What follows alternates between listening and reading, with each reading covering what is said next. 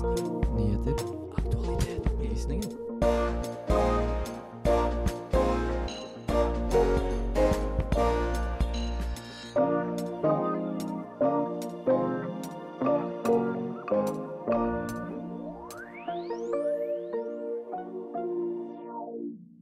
I Frankrike har det vært fem turbulente år, men Macron er favoritten før presidentvalget i april. Hvordan skal vi forstå mysteriet Emmanuel Macron? EU-parlamentet har vedtatt en splitter nye Digital Services Act med sikte på å styrke borgernes rettigheter på internett. Er dette slutten på SoMe-selskapenes forretningsmodell? Den kinesiske kunstneren Ai Weiwei har vært med å designe den kjente OL-stadion i Beijing. Men han vil ikke lenger assosieres med dette. Hvorfor det, egentlig? Sikkerhetskrisen i Ukraina er uforutsigbar og forandrer seg raskt. Hva er det Putin vil? Hva mener Nato Stoltenberg er den nye normalen? Følg med.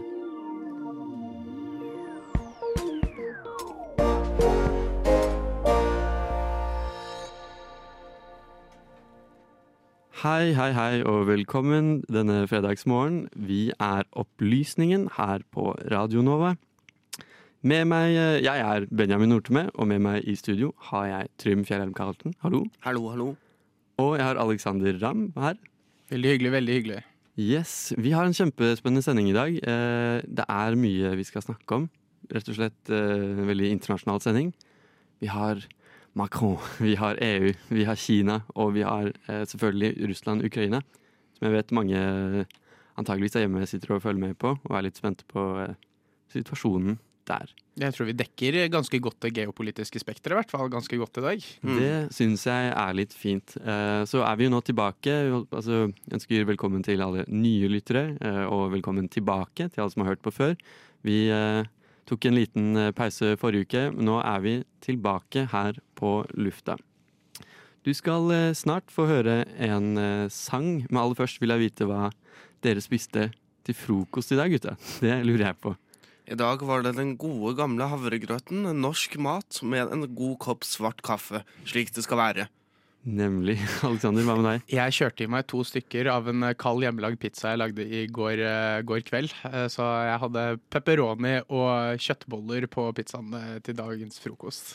Den er jo ikke dum i det hele tatt. Jeg kan meddele at jeg har skippet frokost. Det er kanskje ikke verdens beste, verdens beste idé, men med litt kaffe og med litt ja, god eh, sol er det ute, så er, eh, Kanskje dagen, noen gode samtaler her i dag også. så er dagen i gang, vet du. Så er dagen ordentlig i gang. Nei, men så fint. Jeg tror eh, vi skal få høre en låt, jeg nå. Av Grapefruit. Det var Grapefruit med What's The Use du hørte her på Radio Nova.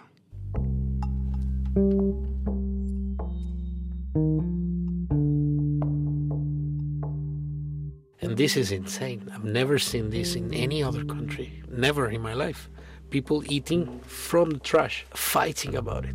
Eh, Når så mange er ensomme, så ligger jo på en måte ikke dette på, på individet lenger. Det ligger på systemet. vi er i ferd med å ødelegge evnen vår eh, permanent kognitivt i hjernen til å konsentrere oss over lengre tid. Radio Novas samfunns- og aktualitetsmagasin gir deg historiene, sakene og debattene andre overser. Aldri redd, alltid balansert. Opplysningen 99,3. Det stemmer, du hører altså på Opplysningen 99,3 her på Radio Nova denne fredagsmorgen. Vi eh, sa at vi skulle snakke litt om Emmanuel Macron. Gjorde vi ikke det, gutta? Jo, det stemmer. Jo, så jeg har, jeg har et par spørsmål til dere, kanskje. Eh, Jeg lurer, jeg er litt nysgjerrig på hvor mye dere egentlig vet om han som er Frankrikes president. Er det mye kunnskap ute og går, eller hva? Jeg skal være så ærlig å si at jeg kan særdeles lite om, om personen. Han kom veldig inn som en sånn mystisk midt, midtperson i fransk politikk mot liksom disse litt ytterliggående kreftene. Le Pen og den type tingen. Og jeg tror det er mer der min kunnskap ligger, på det litt mer ytterliggående delene av fransk politikk, den høyreekstreme bølgen fra 70-tallet og oppover, er der jeg på en måte har hatt mitt interessefelt. Så jeg har liksom Han har falt litt mellom. Han er en sånn person som Han eksisterer, men hvem er han egentlig? Jeg vet ikke. Og det er kanskje litt, litt dumt å ikke vite om en så mektig, mektig person, men der har jeg et kunnskapshull. Ja det, ja, det kan man jo kanskje si, da. Altså at han er at han er litt ukjent. Kanskje for mange her i Norge så er det ikke helt åpenbart hvem eh, Emmanuel Macron er. Hva slags ideologi som er førende. Hva, hva, hva er ja, hva skal man si om Emmanuel Macron? Da? Kanskje man har et mer forhold til Boris Johnson. Det er mange i landet her som sjekker uh, britiske aviser, og vi snakker jo engelsk uh, for det meste. Eller norsk også, selvfølgelig. Men uh, det at vi har kanskje et større innsikt i de engelsktalende landene i verden. At det er Joe Biden og Boris Johnson vi vet mest om når det er snakk om utenrikspolitikere med, med mye makt. da. Ja, så når jeg ser på, når ser på Macron, så, så, så er jeg litt sånn som tror. Jeg, jeg kjenner ikke så veldig mye til fyren. Det eneste man assosierer han med sånn i utgangspunktet, er de sakene han har vært oppi. Som for eksempel så var det jo veldig mye De hadde jo en lang debatt om, eh, om denne her pensjonsalderen i Frankrike, og så gikk, gikk det jo over til den eh, gule vest-revolusjonen, nesten. I, eh, om, det var vel om noe olje- eller energipriser og noen sånne ting. Eh, Så han har jo vært en veldig markant politiker. Han har vært en veldig tydelig politiker, men det er liksom sånn Det har skjedd så mye eh, de siste årene, og Frankrike er kanskje ikke på toppen av interessesfæren for den vante nordmann. Så hvem han er som person, har kanskje gått litt forbi. Annet enn som vi kanskje snakket litt før, eh, før sending her i dag, at eh, det er litt rart at en så prominent politiker kanskje er mest kjent for at han, er gift med, en, eh, med tidligere læreren sin, som er noen og 20 år eldre, eller noe sånt. Ja, men det, jeg syns du er inne på mye fint, jeg, karer. Jeg tror det her kan hjelpe oss å gå inn i Altså sette, sette grunnlaget her for å prøve å svare litt på hvem er egentlig Emmanuel Macron? Hva, så det har jeg tatt eh, litt nær, altså, en litt nærmere titt på i stikket dere får her. De er ett av syv land med atomvåpen. De har vetomakt i FNs sikkerhetsråd, på lik linje med USA og Kina. De kaller seg Den franske republikk, og deres president heter Emmanuel Macron. Her i Norge kjenner vi ham best fra TV som mannen med sterke meninger. make our planet great again. På hjemmefronten er Macron gift med sin gamle engelsklærer Brigitte Macron. En kvinne 24 år eldre enn ham selv. Men hvor mye vet vi egentlig om det som kan være Europas aller mektigste mann? Macron er fyren som bestemte seg for å kaste den gamle kokeboken til fordel for en ny oppskrift. I fem år, tilsynelatende uten noen førende ideologi, har Macron blandet sosialdemokrati med skattelettelser. Han har gjort oppgjør med Frankrikes kolonihistorie, men sendt det franske militæret til flere afrikanske land. Han anklages for å være en del av Frankrikes mektige elite, men er fortsatt populær blant yngre velgere. Hvordan skal vi klare å navigere disse motsetningene? Kan det være noen lekse her, også for norske politikere? Emmanuel Macrons første møte med makten skjedde under sosialistregjeringen til forrige president Francois Hollande. Ikke lenge etterpå forlot han partiet og stiftet sin egen bevegelse. En Marche. Et helt nytt parti i sentrum som greide å være både en grasrotsbevegelse og samtidig få med seg næringslivet og de velståendes velsignelse. France will not give up the fight. Macrons historie er fortellingen om et kollapset partisystem. Utenforskap, pragmatisme, mislykkede demonstrasjoner og helt nye politiske verktøy. Macron er den yngste presidenten i Frankrikes minne, og han er soleklar favoritt foran presidentvalget i april. Det kan bli ti år med macronisme i Élysée-palasset. For å forstå hvorfor må vi ta steget inn i det uforventede. Jeg kan nesten garantere deg at dette er første gang du hører om minnepolitikk. Og det er kanskje ikke helt klart hva det er for noe. Macrons minnepolitikk har tre nivåer. Økonomi, sikkerhet og republikanske verdier. På det økonomiske handler det om å gi noe tilbake til de som føler seg glemt. I periferien, der tidligere politikk har etterlatt seg høy arbeidsløshet. Jeg vet, jeg vet, det høres ganske tørt ut når Macron sier 'deregulere arbeidsmarkedet', men målet er å skape jobber ved å snu på et system som har gjort akkurat det så vanskelig. Det store mantraet er at gamle, rustne industribyer trenger nye arbeidsplasser. Macron har også lagt seg på en linje for å styrke Frankrikes sikkerhet. En slags gjenerobring av forstadsområdene som har vært grobunn for radikal islamisme. Frankrikes kollektive hukommelse er preget av attentatene på den satiriske avisen Charlie Hebdo og konsertscenen Bataclan. På egen hånd har Frankrike lagt store ressurser inn i krigen mot terror. På hjemmefronten, i Syria og i Afrika. Til slutt skal minnepolitikken samle landet bak såkalte republikanske verdier. Frihet, likhet og brorskap, men ikke minst sekularisme, altså fraværet av religion i politikken. Men det er en tvist, som det ofte er, med Macron. Dette er en slags annerledes nasjonalisme, som ikke nødvendigvis hyller alle de vonde kapitlene i historien. Derfor har Macron som første franske president gang på gang beklaget for grusomhetene under kolonitiden, og særlig i Algerie. Litt på samme måte har Macron gjort seg synlig gjennom å snakke engelsk på statsbesøk, et steg som blir tolket som et slags oppgjør med bildet av Frankrikes arroganse. But I wanted to thank you for your welcome. Thank you and your delicious wife for your warm welcome. It's the perfect organization of this trip. Thanks to you and Lucy. Thank you very much, Mr. Prime Minister. I likhet med Boris Johnson er han altså ikke fremmed for fadeser og til tider klumsete PR. Men helhetlig har Macron en unik forståelse av de kompliserte og ofte sammenvevde grunnene til at folk går til valgurnene. Vi legger til litt fantasi her. Det er nesten litt som om Macron her forteller oss at enkeltsaker er fint og vel, men at politikk handler vel så mye om søken etter mening.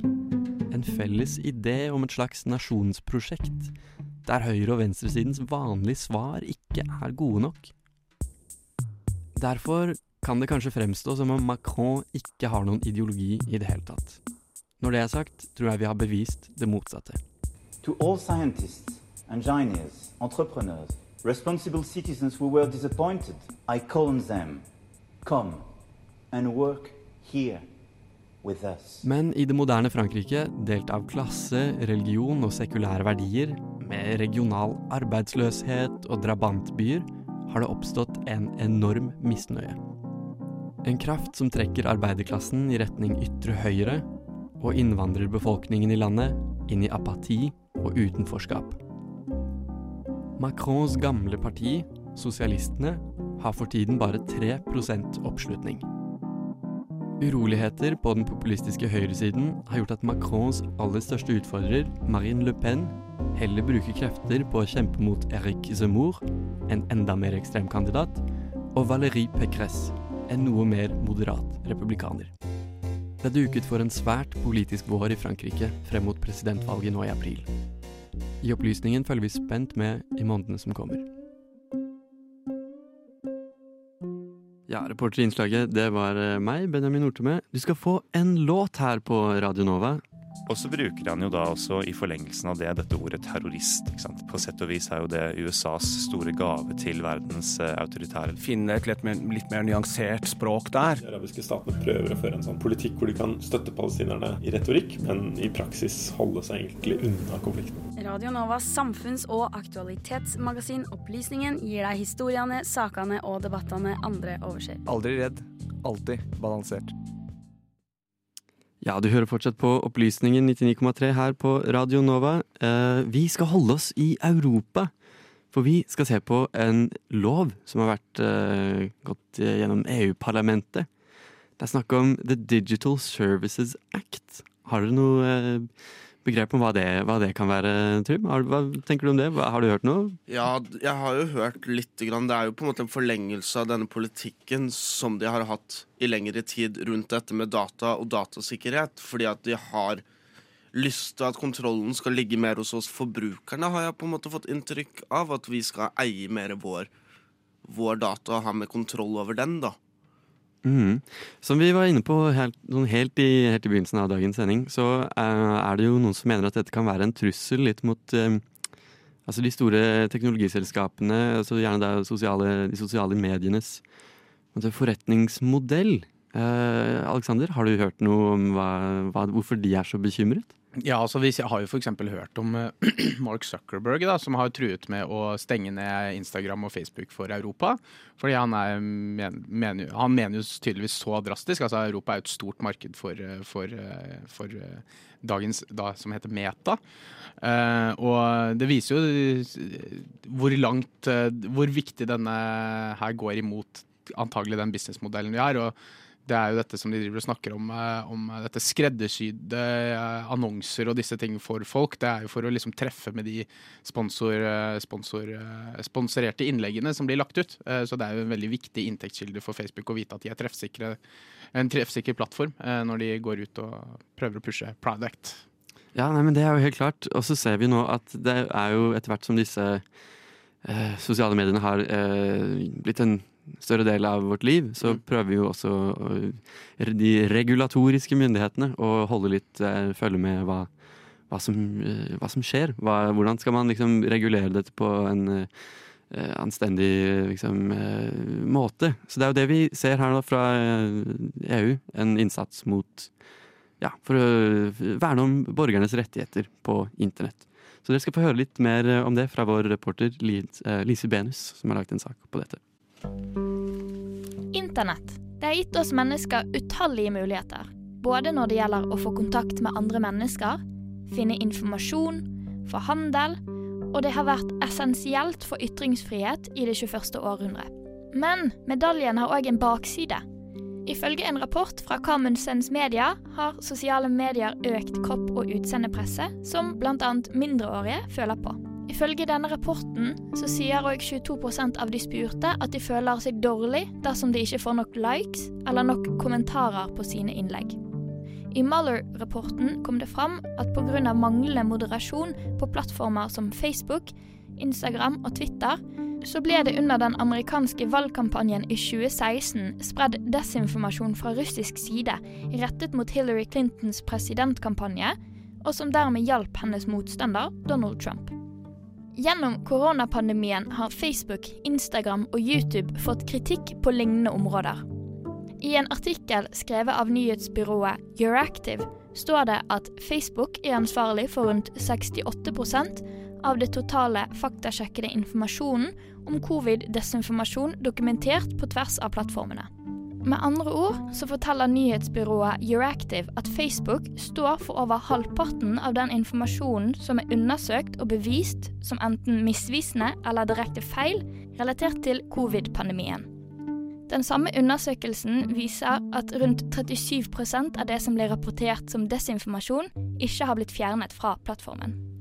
Det her EU-parlamentet, med bl.a. parlamentsleder Alex Aigus Salbia fra Malta i spissen, ønsker å ta et oppgjør. For the moment, the digital world is like the Wild West, without any rules, without any limits or safeguards, leaving people defenseless, exposed and exploited for their vulnerabilities. And in the middle of all this are private companies, weaponizing key digital technologies for their own private gains for their own profits. Aktivister, bedrifter og folkegrupper har i flere år etterlyst en lov som kan hjelpe med å holde de største internettaktørene i nakkeskinnet. Det mest konkrete eksempelet på dette er The People's Declaration, som er en samling og konkretisering av de kravene som folket i Europa har til regulering av de største bedriftene og internettplattformene. Man kan se spor av disse kravene i lovforslaget som ble presentert i EU-parlamentet med navnet the Digital Service Act. Time has changed, and we can do better than this. People are demanding that we step up on their behalf and create a safe, a healthier digital ecosystem. The Digital Services Act is the right tool to answer these calls and set a gold standard in the regulation of big tech.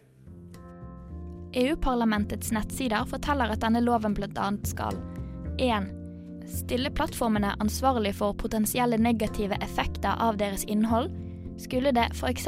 vise seg at plattformen har virale artikler som gir feil eller misvisende informasjon til sine brukere.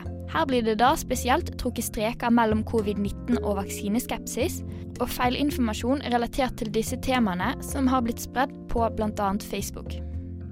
2. Loven skal stille de aktuelle plattformene til ansvar ved relativt store sanksjoner, som f.eks. bøter på opptil 6% av deres globale inntekter. Her er det fort snakk om bøter på flere millioner kroner. 3. De ønsker å åpne opp den såkalte blackboxen. Åpningen av denne blackboxen skal gi uavhengige journalister og forfattere, undersøkere og samfunnet generelt bedre innsikt i hvilke data som blir innhentet fra oss brukere, og hvor denne dataen ender opp. 4. Lovforslaget ønsker òg en nulltoleranse av innhenting av data som er relatert til mindreårige og deres internettvane, slik at de ikke kan få målrettet reklame. EU-parlamentet stemte for forslaget den 20.01.2022, og med 530 stemmer for, 78 stemmer mot og 80 absenser ble loven vedtatt. De to største partiene i EU-parlamentet, det europeiske folkepartiet, som tilsvarer Høyre, og Sosialdemokratene, som tilsvarer Arbeiderpartiet, var enstemmige. Altså, tungvekterne på hver side av det politiske spekteret kom til en enighet. Med stort mandat er loven sendt til EUs råd, der Frankrike for øyeblikket sitter og kommer til å vedta loven. Vi i Opplysningen ser spent fram på utviklingen av denne loven, og hvilke konsekvenser det vil ha for de norske internettvanene. Ja, reporter i innslaget var eh, Lise Benus, og lyden var hentet fra Blue Dot Sessions. Du skal få høre en låt her på eh, lufta. Ja, det er deilig med norsk pop. Eh, Du hører jo på Radio Nova, og her fikk du Humle med Må ha luft. As much as it's been 20 years since apartheid, like blacks have been freed, not much is like has changed. Så her er det jo helt klart at regjeringen ikke leverer faktisk på at Norge skal bli det beste landet i verden for skeive. Chavez is the guy who finally could destroy Venezuela. Opplysningen hver fredag mellom klokken 10 og 11 på Radio Nova.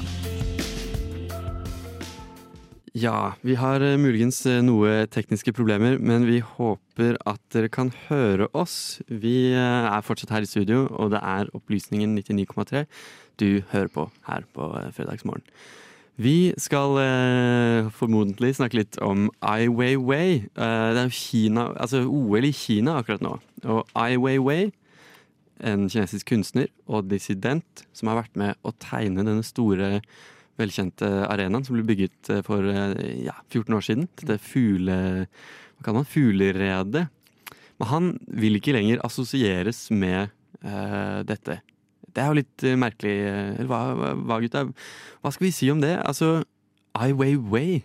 Skal vi begynne der, da? Hvem, eh, hvem, er, han for, hvem er han for en person, Trym?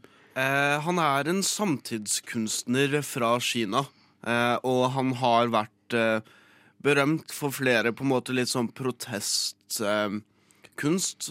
Jeg tror vi nettopp snakket om det jeg tror kanskje er der han ble kjent som, vaseknuseren. Fordi at han kritiserte at Kina ødela så mye uvurderlig kinesisk kunst og kultur i utbyggingen og moderniseringen av Kina på 90-tallet.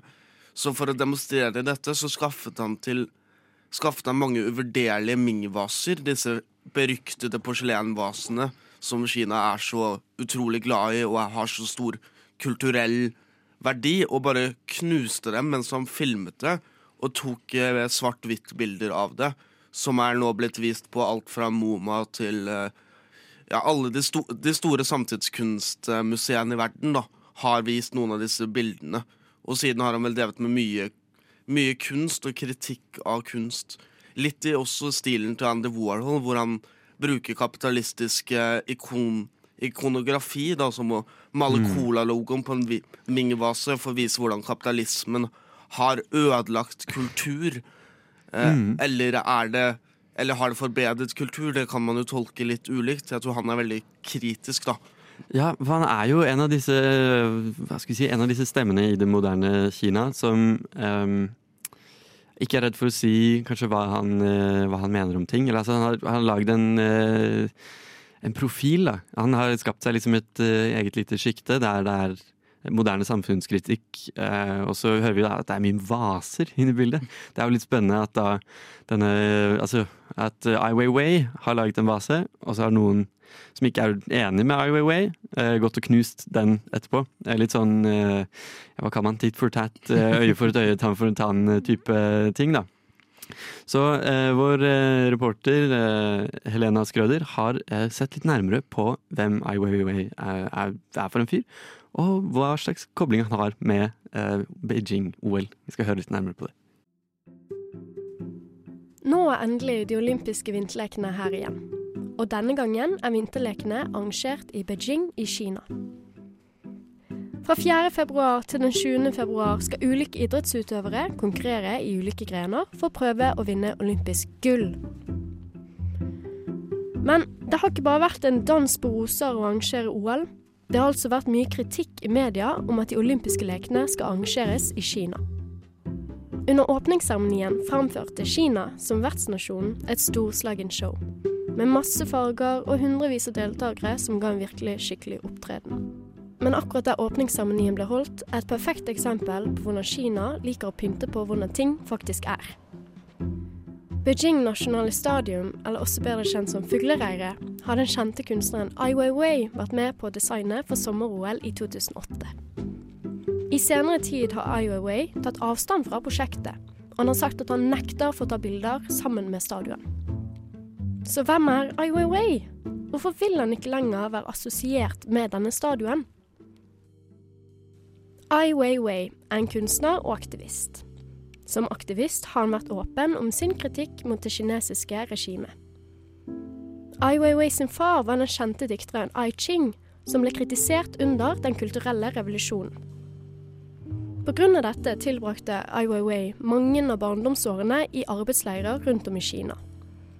Etter at den kulturelle revolusjonen var over, kunne familien til Ai Weiwei endelig flytte tilbake til Beijing. Når Ai Weiwei vokste opp, bestemte han seg for å bli kunstner, og har siden vært en av de mest kjente kunstnere i vår tid. I mye av kunsten til Ai Weiwei viser han til det kinesiske politiske og sosiale problemer landet sliter med i dag. Ai Weiwei blir ofte omtalt som Kinas mest kjente kunstner, og han har laget verk som fokuserer på menneskerettighetsbrudd ved bruk av video, fotografi, tapet og porselen. Men i 2011 ble Ai Weiwei arrestert pga. skatteunndragelse. Han ble fengslet i 81 dager og deretter løslatt. Den kinesiske regjeringen hadde holdt passet hans konfiskert og nektet ham andre reisepapirer. Etter at passet hans endelig ble returnert i 2015, flyttet Ai Weiwei til Berlin for å jobbe. Nå i dag oppholder han seg i Portugal, og han har selv sagt at han ikke lenger er interessert i å flytte tilbake til Kina. Ai Weiwei har hatt flere ikke så hyggelige opplevelser med de kinesiske myndighetene. Han har blitt satt i husarrest og nektet for å kunne reise fra Kina. Et av studioene hans i Shanghai har også blitt ødelagt av myndighetene. Det skal altså ikke være så lett å være kritisk til de kinesiske myndighetene. Til syvende og sist er det litt ironisk at der Kina skal vise seg fra sin beste side, viser de også hvor korrupt alt faktisk er. Fuglereiret er et eksempel på det. Og hver gang vi ser stadion, vil vi bli minnet på Iowa Way, hva han har vært gjennom, og hva han står for. Ja, reporter i innslaget, det var eh, Helena Skrøder. Du skal få en låt her eh, på lufta. Vi skal spille Pikekyss med Må. Det var Pikekyss med Må jeg vite alt du hørte her på Radio Nova. Det som også er rystende, er på en måte at hvor mye av det som i 2011-2012 opplevdes som helt vanvittig, det er liksom gått inn i et slags sånn politisk hverdagsspråk nå. Veldig mange av de holdningene. Radio Novas samfunns- og aktualitetsmagasin gir deg historiene, sakene og debattene andre overser. Aldri redd, alltid balansert. Ja, vi lovet jo at vi skulle snakke litt om eh, krisen i Ukraina, så her skal dere først nå få en oppsummering av de siste 24 timene. Nye angrep langs kontaktlinjen i Øst-Ukraina har eskalert spenningen i området. Eh, I morgentimene i går, eh, torsdag den 17., så begynte et, bomba altså et bombarderi der de russiske opprørsstyrkene i Donetsk og Luhansk-provinsen avfyrte et antall mellom 50 og 80 artilleriraketter inn mot ukrainske områder. Blant de truffede sivile målene er en barnehage, to skoler og et eh, strømkraftverk. Så ukrainske soldater har fått beskjed om å ikke gjengjelde angrepene, i frykt eh, om at det kan brukes for et eh, påskudd for russisk aggresjon. USAs president Joe Biden sendte på ny beskjed om at trusselen for invasjon er troverdig og sannsynlig. Vi hører uttalelser i samme linje fra Natos eh, Jens Stoltenberg. Og Russland hevder å ha begynt tilbaketrekningen av deler av styrkene som er oppsamlet eh, langs Ukrainas eh, sørlige, østlige og nordlige grense. Men så sier satellittbilder noe litt annet. Um, Så et møte i FNs sikkerhetsråd ble avholdt i går, et spesielt ekstraordinært møte. Og der gjentok Russland sine krav, i tillegg til noen nye. Mest urovekkende er bekreftelsen fra det statlige nyhetsbyrået TASS at ytterligere såkalt militærtekniske virkemidler blir iverksatt hvis vestlige myndigheter eh, ikke etterkommer Russlands krav og holder opp da denne Minsk-avtalen som det prates eh, mye om. Jeg tenkte å eh, gi ordet litt videre til dere som sitter med meg her i studio, Trym og Aleksander. Hvor lenge kan dette vare? Vi hører jo at trykket er ganske Altså den trykkokeren, da. Det er ganske spent situasjon i området. Eh, Trym, hva tenker du om veien videre? Er det, er det, er det frekt å spørre om, eh, om det? Hva, hva, hva tenker du? Ja, hvor er det vi skal liksom begynne her? Eh, Hvis vi starter med det første spørsmålet ditt om trykkoker. Den holder på så lenge Putin vil. Eh, Putin gir seg ikke med å holde trykket på. Om det så betyr at han faktisk går og invaderer, det er jeg usikker på, og det vil jeg ikke uttale meg om. Men at han kan holde trykkokeren i gang i, i, i hvert fall to-tre måneder til hvis han har lyst uten å invadere, så absolutt. Han står med alle kortene til å bare la La dette, la dette stå og ko koke. Fordi han har ikke noe annet sted disse soldatene skal være. Så med mindre USA eller noen andre på en måte går med på krav, så kan han bare stå, stå der med de. Spørsmålet er på en måte mer om Vil han på en måte slippe det og gå løs? Det vet jeg ikke. Men han kan opprettholde trykket, og det kommer han nok til å gjøre en god stund framover. Fordi han taper ikke noe på å ha soldatene, soldatene stående, der, stående der. Det er han som holder, holder på en måte kortene for invasjon eller ikke. Og spillereglene er satt på hans premisser, og han vil holde trykket oppe. Ja, det er jo kanskje, er jo kanskje tydelig at ehm, Det virker jo som at uh, altså det har pågått ganske lenge. Så det tyder, kan jo tyde på en ehm, vilje fra russisk side om å virkelig da eh, stå på sine krav. Da, om at de ønsker da å få en eh, offisiell uttalelse fra eh, Nato og generelt av vestlige myndigheter om at Ukraina ikke skal forbli en del av eh, Nato. Så har jo denne troppeoppbygningen mer eller mindre gått litt i hva skal vi si, i, i lav og høy Altså egentlig kanskje siden våren i fjor har det vært store troppeoppsamlinger langs Ukrainas grense. Alexander, så du hadde lyst til å få med noe her. Ja, for fordi det er viktig at måte vi, vi adresserer hvor komplekst dette er. For det, det, det er jo i utgangspunktet veldig simplistisk å bare se på denne situasjonen med uh, ekspansjonen av Natos uh, influensområde i Europa siden, uh, siden andre verdenskrig. For det har jo, uten tvil, som de fleste har fått med seg, så har jo Nato utviklet seg fra å på en måte bare være de vesteuropeiske landene sammen med Canada og USA, til også bli land som eksempel eh, disse her eh, Baltikum-landene. Mm, mm. og Så de er allerede, eh, har medlemsland som allerede er på grensen.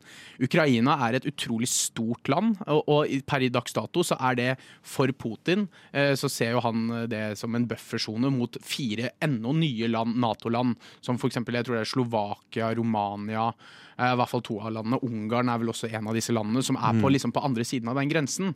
Eh, Men så må du også på en måte, du kan ikke bare se på det utenrikspolitiske. Vi har også i bakteppet her hele situasjonen med eh, disse oppstandelsene i, internt i landet med Aleksej Navalny, som har vist at det fins en vilje blant store deler av populasjonen som vil, eh, som vil ha en ny retning for Russland. Eh, Putin har jo prøvd å spille veldig på dette her om at han er den beskytteren filteren som Russland trenger mot det feilende vestlige systemet. Eh, og han er en person som eh, har veldig lyst til å beholde makten sin. Og eh, han er jo Det er jo litt det som på en måte jeg føler er konsekvensen av hvor de, er, hvor de er nå. Fordi han, som du selv sa tidligere i dag, der de ukrainske troppene har fått beskjed om å ikke skyte tilbake for å ikke gi Putin en grunn til å drive Mm. aggresjon. For han leter etter aggresjon fra Vesten for å kunne vise at alle de tingene som jeg har snakket om, at Vesten driver og presser oss, de prøver å ta over oss, de prøver å komme komme inn i Russland, prøver å eh, rett og slett eh, nedjustere Russlands influense i, i verden og det systemet som de har der, så leter han etter en grunn for å få en bekreftelse utenfra om det. Og det som også gjør denne konflikten så ufattelig mye mer kompleks også, er at det er umulig å vite hva Russland gjør. Fordi at tankene er ikke et russisk system. Tankene er i hodet til Putin, til én mann som har vist over flere år, hele, nesten hele perioden hans som president, han er uforutsigbar. Ja, nei, men Det er viktig du sier, er viktig du får med det perspektivet. Jeg tror det er mye, mye usikkerhet som grunnes i det. Da. At det kan virke som om eh, de førende linjene At eh, det kommer jo fra én mann, Vladimir Putin. Jeg tror det er ganske mange som eh, lurer på hva som rører seg opp i eh, Putins hode for øyeblikket. Så kan vi jo også Det var fint du sa at, altså, at du tok opp Aleksej Navalnyj. Han er jo nå i fengsel, og parallelt med dette, det overskygges jo kanskje en del av spenningene rundt Ukraina, at han ventes jo å få en 15 års eh, fengselsdom i, eh, ja, bak lås og slå. Eh, så eh, utsiktene for eh, regimeskifte, eller eh, ja, Russland som går i en mer liberal retning, det er kanskje ikke så gode forutsetninger for det akkurat eh, nå. Men jeg ser litt på tiden. Vi er nødt til å eh, komme tilbake til dette. Eh, vi skal spille en låt her først. Vi kommer tilbake til Ukraina. Det var fint å høre. Her fikk vi baklengssalto med 'Jeg vil ha'. Eh, kanskje en spennende tittel når det er snakk om eh, Russland og Ukraina. 'Jeg vil ha, jeg vil ha'. Eh, vi skal holde oss litt i Ukraina. Vi har eh, ennå litt tid til å snakke om dette. Ja, Vi snakket her av lufta, så snakket vi om eh, dette at eh, altså folkeopinionen altså, Når vi snakker om Russland og Ukraina, så er jo ikke det nødvendigvis eh, monolitter det, ja, i den forstand. Da. Så eh, har vi fått inn et par spørsmål fra våre lyttere eh, som vi tenkte å kjapt eh, gå gjennom før vi mister helt tiden. Eh, Så et spørsmål her er hvorfor er det så stor spenning bare fordi Russland flytter litt på troppene sine, eh, har vi fått inn her. Eh, Kanskje for å direkte svare på det, så er jo ikke det ulovlig, med, altså folkerettslig ulovlig, å flytte på sine tropper innenfor sitt territorium. Så det har jo alle stater rett til å gjøre.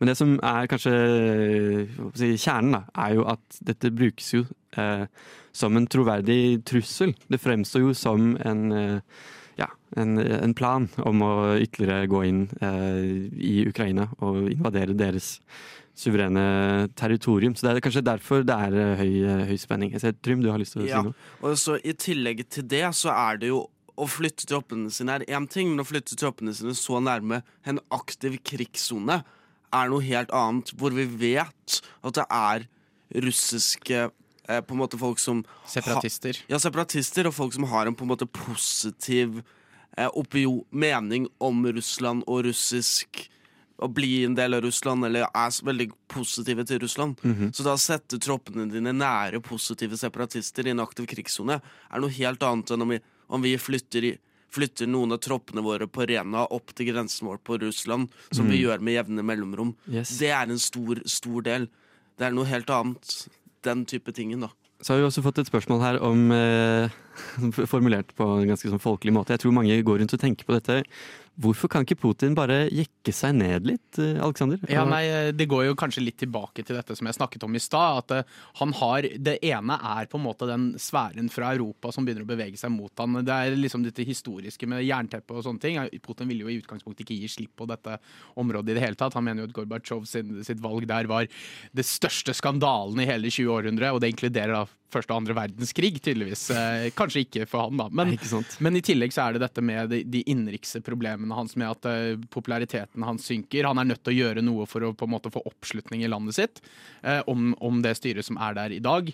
Og det å på en måte bygge under denne 'jeg er Russlands eh, redder mot feilende Vesten', så han, han er nødt til å på en måte bevise det på et vis, føles det litt som. Og da tirrer han litt på. Og så ble det også sagt her på et eller annet tidspunkt, jeg gjorde meg et lite notat om det, i det minste lytter de nå til oss og snakker med oss. Så de føler seg kanskje i stor grad veldig ignorert på den internasjonale plattformen også. At Russland ønsker å vise seg. Mm. Ja, men Det er viktige innsikter. Eh, Vi er nødt til å runde av her om eh, Russland-Ukraina-konflikten. eh, Men vi kommer tilbake straks, straks, straks etter en liten jingle.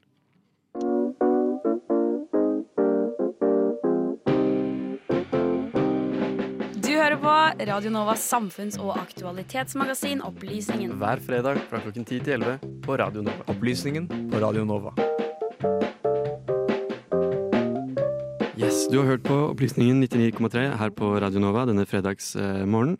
Eh, takker for eh, godt eh, ledskap. Eh, jeg har vært Benjamin Nordtømme, og med meg i studio har jeg hatt Trym Fjellheim Karlsen og Alexander Ramm.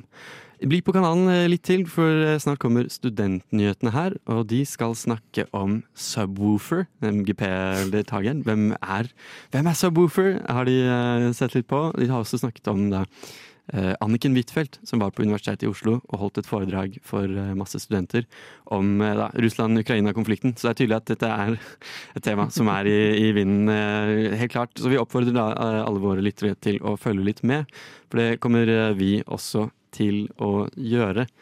Ja, så vi har hentet eh, lyd fra blue.sessions og Wikimedia Commons for eh, bakgrunnssporene. Ja, det gjenstår vel kanskje bare da å ønske en eh, god helg. Jeg har lyst til å gjøre det på tre, to, én. God helg! Supert.